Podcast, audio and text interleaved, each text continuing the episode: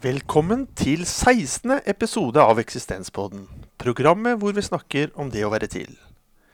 Mitt navn er Erling Bærum, og i dag så har jeg fått besøk av Lars Svendsen. Du har blitt anbefalt av meg selv etter kjennskap til en god del av hva du har skrevet om. Eh, og som jeg nylig også så en av mine kollegaer leste en bok av det, og da tenkte jeg eh, Lars Svendsen må jeg få snakke med. Jo, hyggelig. Velkommen skal du være. Takk, takk. Og takk for at du vil komme.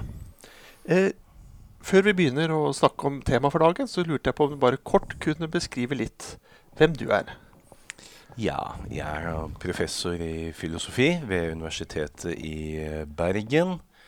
Jeg er også tilknyttet uh, den liberale tankesmien Civita. Og så har jeg skrevet uh, etter hvert en god del bøker, om, uh, særlig om mest kjent kanskje for, for, om, om kjedsomhet, ondskap, frykt og ensomhet og den slags uh, muntre temaer. Men nå sist en feelgood-bok om vårt forhold til dyr. Hva tenker du kan være viktig å nevne om deg og ditt liv, så lytterne får en knagg å liksom feste deg på? Jeg tror vel egentlig at filosofisk sett så er ikke mitt liv så viktig. Eh, jeg ser egentlig ikke på filosofien som først og fremst en bekjennende sjanger. Eh, på den annen side så handler jo all filosofi i bunn og grunn om selvrefleksjon. Og det er jo noe også den enkelte må gjennomføre på egen hånd. Men jeg håper jo da at gjennom det jeg skriver og det jeg sier, så er det en tilstrekkelig resonans der. At uh, det som angår meg, også angår andre. Sånn at vi faktisk har noe å snakke sammen om. Du har også blitt bedt om å velge ut et grunnleggende tema eller en dimensjon ved det å være til som menneske. Og Mm. hva har du valgt som tema for dagens program? Da har jeg valgt uh, ensomhet. Og hvorfor dette temaet? Eh, fordi det er et tema som er egentlig uomgjengelig i menneskelivet. Det er et tema veldig mange er opptatt av. Det er et eh, tema som mange har veldig mange oppfatninger om, og det er et tema som de fleste har ganske mange feilaktige oppfatninger om, så det er en del å rydde opp i her. Så mm, det er, det er et morsomt tema, og det, og det må jeg si. Jeg har, jeg har skrevet en bok om det. Og da jeg skrev den boken, så gikk jeg jo inn med en sånn syv-åtte sentrale hypoteser. Altså ting jeg var ganske så bombesikker på stemte. Og jeg har aldri jobbet med noe tema hvor eh, de antagelsene jeg gikk til verk, eh, verks med, er gjort så til de grader til skamme. Fordi nesten alt det jeg trodde jeg visste om ensomhet, er feil. Dette høres spennende ut. Og jeg tar gjerne del i noe sånn, i hvert fall på overflaten, disse eh, opprydningene. Mm. Vi rekker jo ikke å gå helt i dybden, men hvis du bare kan kort si litt om de forskjellige misoppfatningene vi har om ensomhet. Ja, altså en eh, hvis, hvis vi starter eh, med at eh, veldig mange tror jo at eh, det er flere ensomme nå enn tidligere. Og det er det jo ikke. Eh, de tallene ligger veldig flatt. Så er det veldig mange som tror at vi har veldig mye ensomhet her i Norge, når vi antagelig har klodens laveste nivå av ensomhet. Så er det mange som tror at det er mer ensomhet i individualistiske samfunn enn i kollektivistiske samfunn. Nei, det er omvendt. Det er mindre ensomhet i individualistiske samfunn. Og jeg trodde videre at menn var mer ensomme enn kvinner, fordi kvinner vet vi har et større sosialt nettverk og flere nære fortrolige enn menn. Men det er omvendt. Eh, kvinner er mer ensomme enn menn. Og så videre og så videre. Og ikke minst er det den veldig vanlige antakelsen av at folk som er ensomme, er ensomme fordi de er alene. Men når vi går inn og ser på disse gruppene, så ser vi jo at eh, de som er ensomme, er nøyaktig like mye omgitt av andre mennesker som de som ikke er ensomme. Her vil jeg bare takke deg. altså Jeg elsker når mine egne fordommer faller. Her falt de litt som fluer. Um, den første jeg lurer litt på, det er litt med hvorfor eh, kvinner eh, overraskende nok er, er mer ensomme enn menn. Ja, Det er det egentlig ikke noen veldig veldig gode eh, undersøkelser av. Det vi ser at i studier av eh, kjedsomhetsprevalens, altså, nei, av ensomhetsprevalens, hvor mange som er ensomme, så er det gjennomgående trekk eh, i ulike samfunn ved ulike tidspunkter osv. at kvinner rapporterer i større grad å være plaget av ensomhet enn menn. Men disse studiene eh, besvarer jo ikke hvorfor det skulle være sånn. Og en rimelig hypotese, eller en, en hypotese kan jo være at kvinner har sterkere behov for tilknytning enn menn og følgelig også lettere så å si mislykkes i å få den tilknytningen de behøver til, eh, til andre. For det, det, dukker opp mye rart når man går inn i tallmaterialet her. Og da jeg skulle gjøre denne studien, så gjorde jeg noe så uvanlig for en filosof som må jobbe masse med empiri. Så jeg hentet ut rådata fra Statistisk sentralbyrås levekårsundersøkelser, cruncha tall, lagde statistikker osv. Og, og der uh, fant jeg også visse besynderlige trekk, som f.eks. at mennesker som treffer vennene sine hver dag, er mer ensomme enn mennesker som ikke treffer vennene sine like ofte. Og det høres jo veldig rart ut, men det er kanskje ikke så rart når man tenker seg om, fordi mennesker som treffer vennene sine hver eneste dag, er mennesker med veldig store sosiale behov. Da blir jeg litt nysgjerrig på eh, å forfølge også litt spørsmålet. Hva, hva, hva handler da ensomhet om? Ja. For det handler, et, hvis jeg forstår det rett, ikke om å være alene. Nei. Eh, eh, alenehet og ensomhet de er både logisk adskilte og empirisk adskilte. Så det er egentlig to helt distinkte fenomener. Og som nevnt, de som er ensomme, er ikke mer alene enn de som ikke er ensomme. Så eh, hva er da ensomhet? Jeg tror det er veldig viktig å fastholde at ensomhet er en følelse. Eh, og Derfor så må den også undersøkes som da et subjektivt følelsesmessig fenomen. Hva slags følelse er det? Jo, det er en følelse av ubehag eller smerte knyttet til ikke å ha en tilstrekkelig tilknytning til andre. At vi har dette behovet for å være tilknyttet andre. Og så får vi ikke det oppfylt i den utstrekningen vi, vi ønsker. Vi kan også beskrive ensomhet som en slags um, sosial sult. Eller som en uh, sosial abstinens. Altså denne, denne, denne litt i analogi med en rusabstinens. Altså denne følelsen som forteller at et behov jeg har nå, det blir ikke tilfredsstilt. Mm. Og der vil ulike mennesker også ha, ha ulike behov.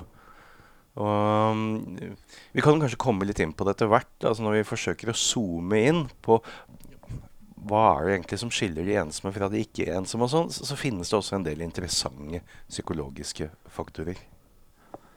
Ja, da vet du nesten hva mitt neste spørsmål handler om. hva, hva, handler noen av de faktorene om? Ja, altså for det første, når vi skal Hvis vi nå skal uh, predikere hvem, hvem, som er ensomme Punkt én, uh, hvor bor du? Altså hvilket land du bor i, gjør større utslag enn alderen din, f.eks. Eh, selv om det er jo variasjoner i alder i ensomhet òg. Den er eh, størst i sånn 16 25 år og i alderdommen. Eh, så land gjør helt klart et stort utslag. men hvis vi går ned på individnivå, og så forsøker vi da å sammenligne de ensomme og de ikke-ensomme, så har man jo forsøkt å se er det noen forskjeller i intelligens på disse gruppene. Nei. Det er det ikke. Er det noen forskjeller i utseendet, sånn at den ene gruppen skulle være penere eller mindre pen enn den andre? Nei, det er ingen forskjell. Er det noen forskjell på deres hverdagsaktiviteter? Nei. Er det noen forskjell på hvor mange mennesker de er omgitt av i denne hverdagen? Nei.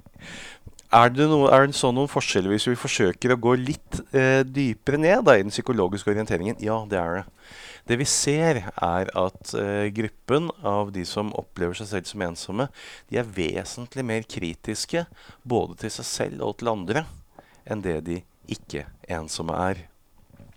Du kan si de er eh, også en type sosiale perfeksjonister som legger lista veldig høyt for hva som er tilfredsstillende sosial omgang. De ensomme som er i, i parforhold, eh, De betviler i større grad at deres partner kompli partners komplimenter er oppriktig ment. De tror i større utstrekning at partneren holder tilbake negative bemerkninger. De eh, spør andre i mindre grad om hjelp hvis de behøver hjelp. De gir mindre hjelp til andre selv hvis andre behøver hjelp. De ser ut til å score litt dårligere på empati. Og et helt gjennomgående trekk da er at for eh, de ensomme så er det sosiale det er et litt farlig felt. Det er et litt risikabelt område. Um, det vil si også at de, de, går inn med en type varsomhet da, i relasjonen til andre mennesker.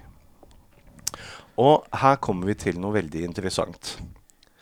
Nemlig at hvis jeg skulle gå inn i et rom hvor det er 100 mennesker, og så kan jeg bare stille ett spørsmål.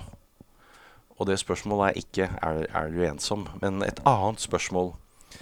Og så skal jeg ut fra svaret på det spørsmålet gjette hvem det er i forsamlingen som er ensom, og hvem som ikke er det. Da ville jeg stilt spørsmålet Mener du at andre mennesker i det store og det hele er til å stole på? De som svarer nei på det, vil med større sannsynlighet være ensomme. Vi ser at tillit er en av de aller, aller sterkeste predikatorene. At mennesker med høy tillit, høy generalisert tillit til andre, altså mennesker som mener at andre mennesker i det store deler er til å stole på, de har gjerne lave ensomhetsnivåer. Og mennesker med lavt nivå av generalisert tillit har gjerne et høyt ensomhetsnivå. Og det ser vi ikke bare på individnivå. Vi ser det også når vi sammenligner ulike land. Eh, land med lav tillit? Ja, ja. Eh, Norge, f.eks. Eh, Litt avhengig av hvordan man stiller spørsmålet, så vil du få noe sånt som syv av ti eller ni av ti eh, som mener at andre mennesker i det store og hele er, er, til å stole på. Går vi til et land som Italia, så er det fire av ti. Går vi til et land som Brasil, er det én av ti. Går også til de tidligere kommuniststatene, for tillitsnivåer er noe som henger igjen over lang tid, eh, så du finner veldig, veldig lave tall. Og dette er nok noe av hovedforklaringen på at Norge og Danmark, som er de to landene på kloden med de høyeste tillitsnivåene.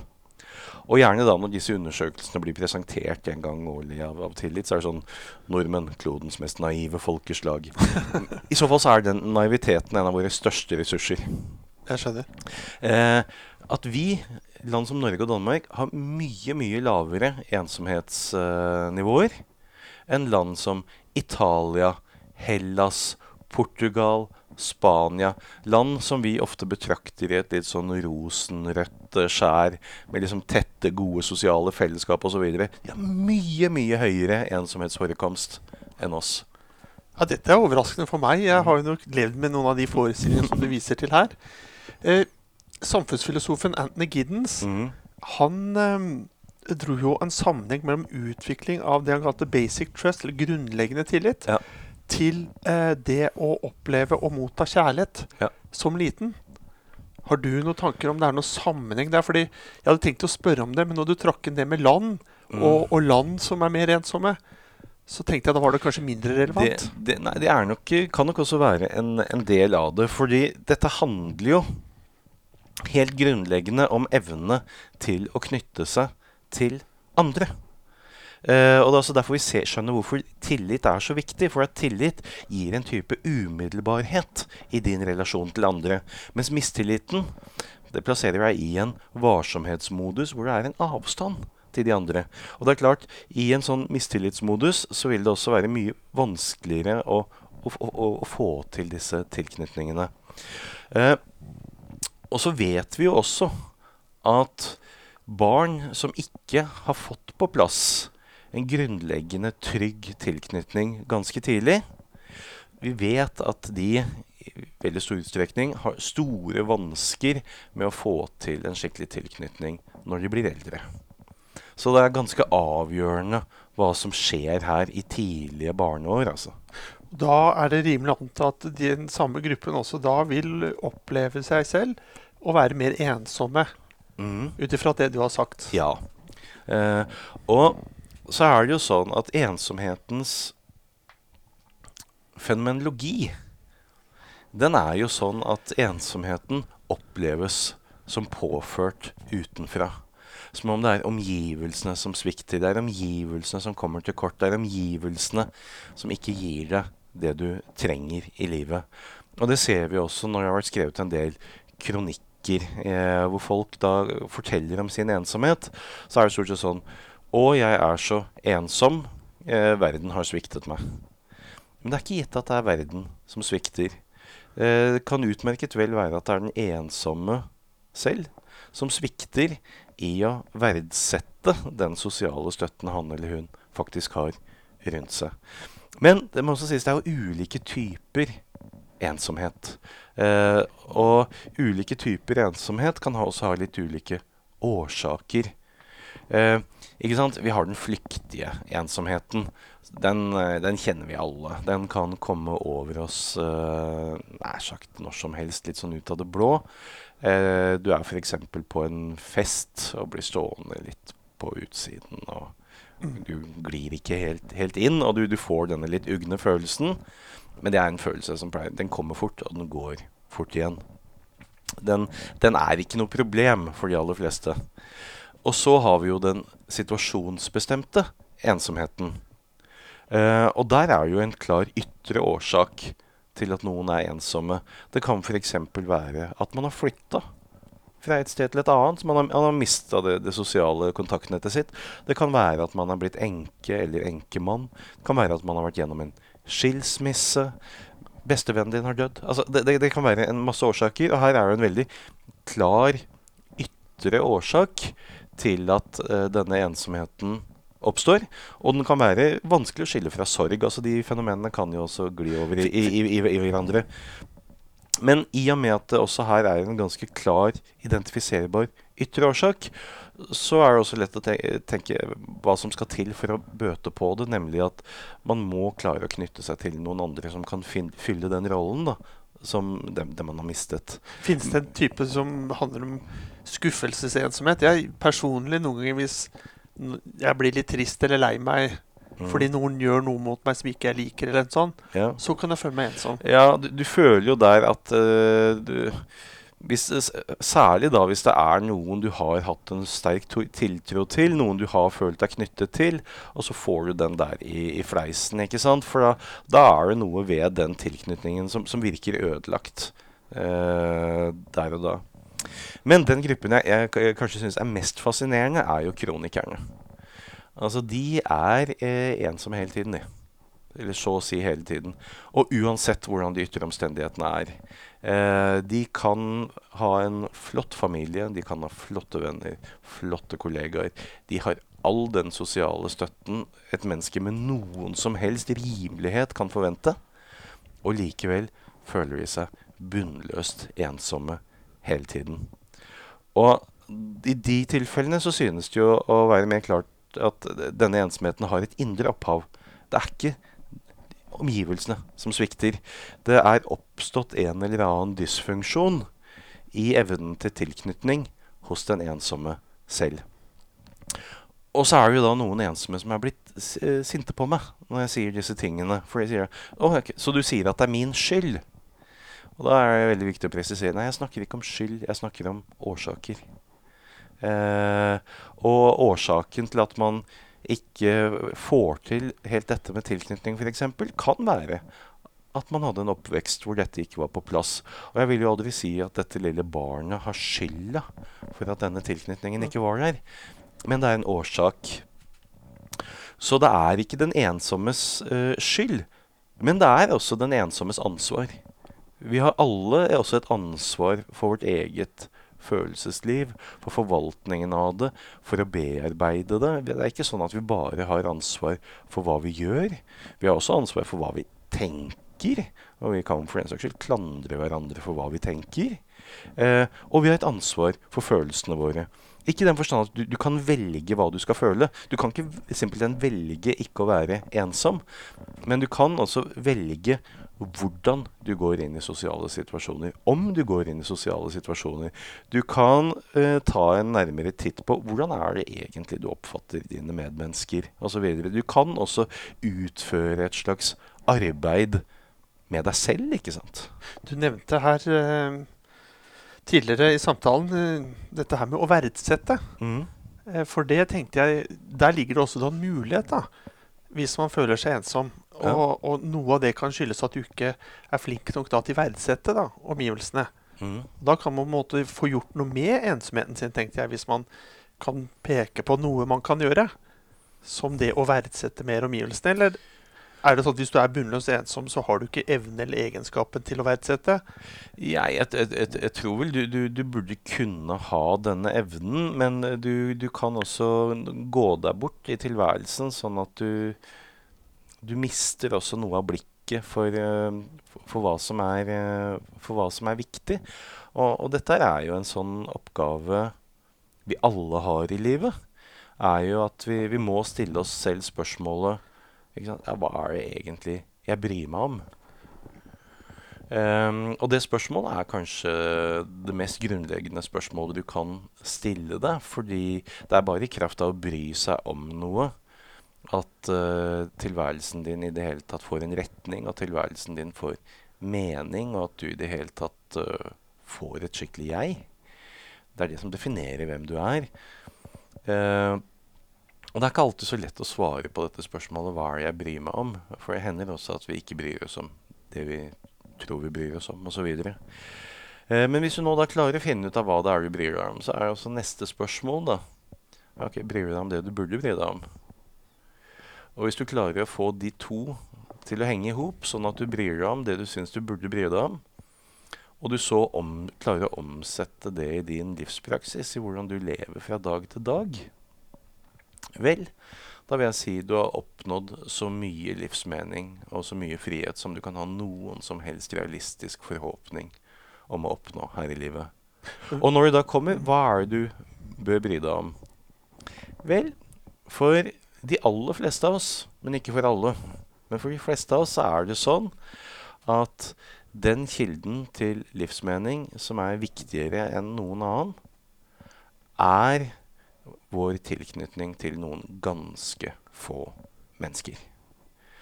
Uh, det er der ekstremt mye ligger, lig, ligger samlet. Og dessverre så er det jo sånn da, at vi ofte ikke forstår hvor mye av livsmeningen vår som lå der før vi har mistet dem. Hvis du bare kan si litt mer om eh, burde bry seg om, for det er liksom litt normativt, så tenker jeg eh, hvem definerer dette burde? Eh, hva man burde bry seg om? Det må jo du gjøre. Ja. Eh, ja for burde kan også komme fra andre. jo, At eh, hva man burde bry seg om. Også. Jo, men altså du, du kan jo se på Forsøke å se på hva er det jeg bryr meg om. Så er det godt mulig at du tenker at jo, jeg bryr meg mest om venner og familie. Ok, Hvorfor er du 18 timer i døgnet på jobben da? Altså Det du reelt sett bryr deg om når du lever på den måten, er jo jobben din. Ikke det du tror du bryr deg om. Og så vil du kanskje tenke at ja, men jeg bør jo ikke være en sånn fyr. Jeg burde faktisk bry meg mer om familien min og vennene mine, de, de nærmeste. Um, og jeg tror vi alle, selv de mest uh, selvtilfredse blant oss, uh, er oss smertelig bevisst at uh, det fins en bedre versjon av oss selv der. Enn en vi burde være, og som vi ennå ikke er. Og Kant eh, hevder jo at vi, vi, er underlagt en moralsk forpliktelse til å, til å granske oss selv. Ved å forsøke å finne ut av hvordan det er stilt med oss. Så mener jo Kant også at vår evne til selvbedrag er såpass omfattende at vi stort sett eh, ikke kommer til bunns i dette spørsmålet. For Kant er jo en av de filosofene som er fullstendig innforstått med at vi sjelden lyver så overbevisende som når vi prøver å være helt ærlige mot oss selv. eh, men han mener likevel at du, du kommer nå et, et, lite stykke i hvert fall i denne selvransakelsen, og da vil du bli deg bevisst at det er en avstand mellom hvem du er, og hvem du burde være. Ja, jeg forstår jo ved at, at du også da forventer at det skal være en sammenheng mellom liv og lære. At man må da se eh, hva slags liv lever jeg, sammenlignet med hva slags liv jeg mener jeg bør leve. Sånn. Altså, hva, ja, og hva skal filosofi i det hele tatt tjene til? om det ikke er for å munne ut i hvordan du lever livet ditt. At selv om vi også går ut i ganske teoretisk abstrakte øvelser, så er det jo i siste instans dit vi skal tilbake. Altså hva er hele poenget med å tenke? Eh, jo, og, og øh, Poenget med å tenke er jo å bli bedre til å bedømme ting. Hvorfor er det viktig å bedømme ting? Jo, fordi i siste instans så skal dette omsettes i handling. Hvordan det er du lever livet ditt. Og sånn sett så mener jeg det er en uh, i filosofien en veldig sterk samhørighet mellom teori og, og praksis. Og den sto jo helt sentral i antikkens filosofi. For antikkens filosofer så var jo ikke den filosofiske kunnskapen noe som først og fremst ble etterstrebet for den, dens egen skyld. ikke sant? Det var noe som skulle munne ut i en livspraksis også. Og vi finner jo fordømmelser av filosofer som har forvekslet eh, eh, filosofi med filologi. Altså de har forvekslet en kjærlighet til visdommen med en kjærlighet til ordet. Og, og, fortsatt hos eh, en filosof som Kant, så er jo eh, denne enheten av det teoretiske og det praktiske veldig, veldig sterk. Og det er i siste instans dette å kunne bidra til handlingslivet vårt, sier han, som gir filosofien en ekte verdighet. Altså som i det hele tatt eh, gjør det noe poeng å holde på med det. Eh, men etter Kant så kan vi vel også trygt si at eh, denne enheten av teori og praksis er blitt mer, eh, mer brutt.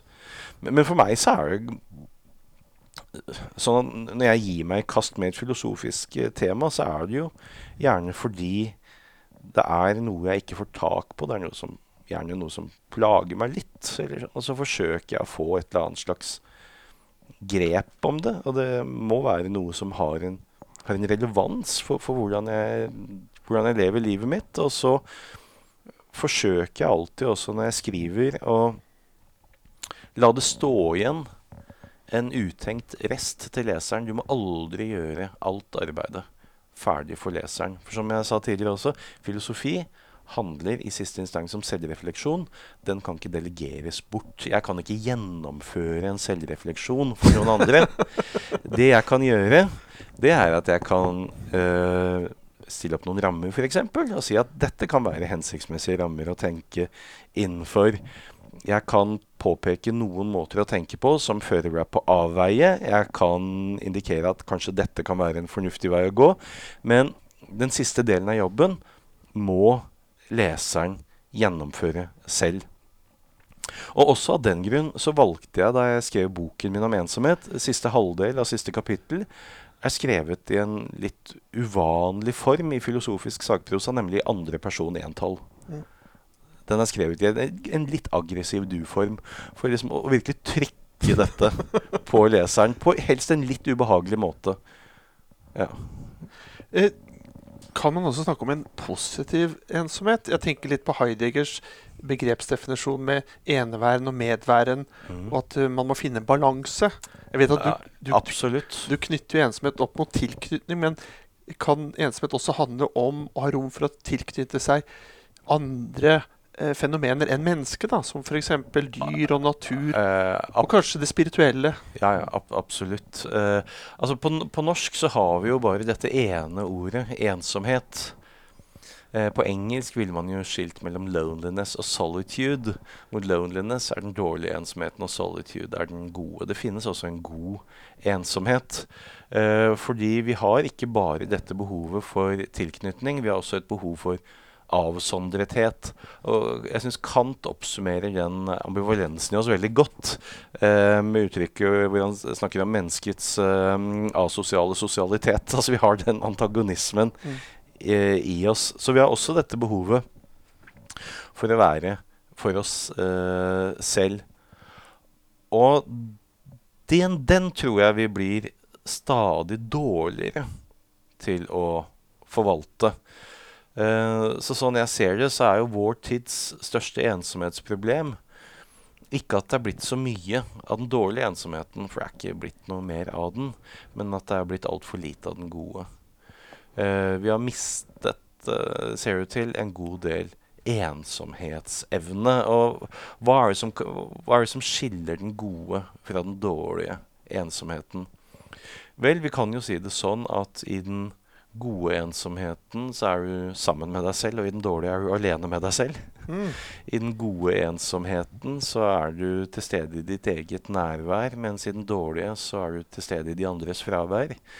Eh, eh så eh, det er først og fremst relasjonen man har til en selv, som avgjør egentlig hvorvidt denne ensomheten er av det gode eller det dårlige slaget. Og jeg tror evnen vår til å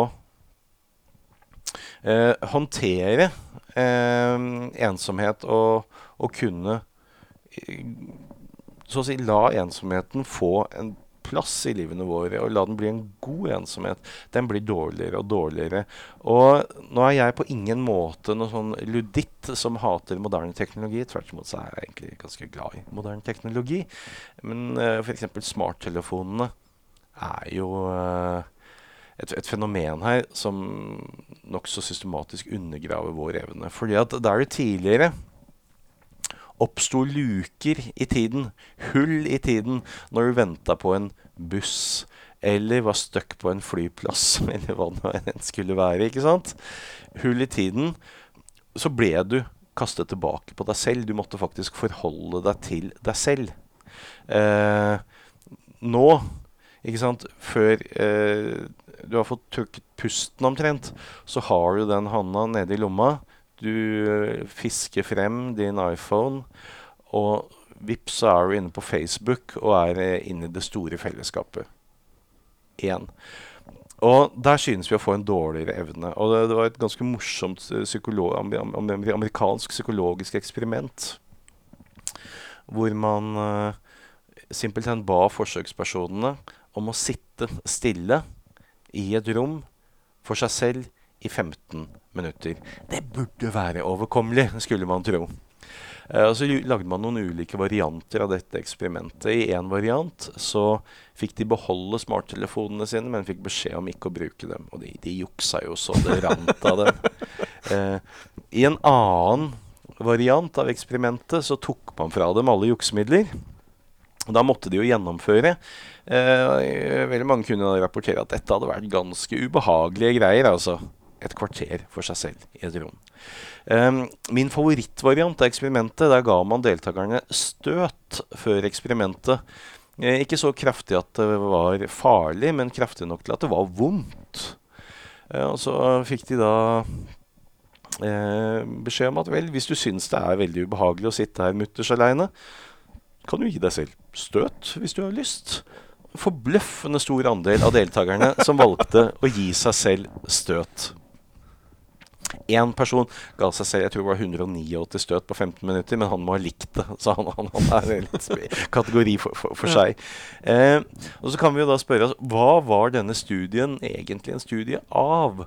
Var det en studie av evne til å tåle ensomhet, eller en studie av evne til å tåle kjedsomhet? Det svarer jo ikke studien på. Men det den uansett viser oss, det er jo en mangel på evne til å fylle seg selv med seg selv. Mm. Og det, det, er jo det som er den gode ensomheten. Eh, kan det være slik at det er en interaksjon mellom den gode og den dårlige ensomheten? At dersom du blir dårligere på den gode ensomheten, så vil du bli mer sårbar utsatt også for den dårlige ensomheten? Eh, de ser faktisk ut til å være litt uavhengige av hverandre. Eh, jeg kan jo også si at da jeg satte i gang med disse studiene av ensomhet, så tenkte, tenkte jeg jeg får jo kjøre noen sånne testbatterier på meg selv, da, bare for å se hvordan jeg er kalibrert her. Eh, og det viste seg jo da at for den dårlige ensomhetens del, eh, så var jeg så gjennomsnittlig som det går an å få blitt omtrent. Jeg er helt hvermannsen. Dvs. Si jeg er ikke spesielt mye plaget av den dårlige ensomheten. For de fleste er ikke så veldig plaget av, uh, av ensomhet. Men så kommer vi da til den positive ensomheten, hvor det også finnes en sånn uh, preference for solitude scale. Og der sprengte jeg jo skalaen omtrent. Jeg setter åpenbart umåtelig stor pris uh, på mitt uh, eget selskap, og det er vel kanskje ikke en uvanlig egenskap hos filosofer. Da har vi kommet eh, på slutten av dette programmet. og Da pleier jeg alltid å spørre om du har noen tips da, til mennesker som kanskje opplever å være plaget av ensomhet. Hva vil du si til dem som kanskje de kan ta til seg? Jeg vil jo i hvert fall si at det man bør gjøre, er jo å se litt nærmere på hvordan er det du, du ser på andre? Hvordan er det du betrakter andre? Er du i det hele tatt åpen for andre? Uh, og det er klart, det, det, å ha den åpenheten, det, er, det kan være skummelt. Det, fordi du kan bli såret. Men eh, prisen du betaler for ikke å åpne deg for andre, den er i det lange løp eh, enda større. Så i tillegg så må du også prøve å lære deg å kunne snu en dårlig ensomhet til en god. Fordi ingen av oss er eh, har liv som er sånn at vi alltid kan lene oss på andre. Tilknytningen til andre som vi trenger, vil ikke alltid være der i livene våre. Og Derfor så er det også ganske avgjørende at man i hvert fall klarer å opparbeide en viss evne til å kunne utholde ensomhet, og helst å kunne snu den fra en dårlig til en god. Da takker jeg for de ordene, og så takker jeg også for en god samtale. Takk også deg som lytter for å ha fulgt oss denne halvtimen, og vel så det. Vi høres igjen, og inntil da, ha det bedre enn bra.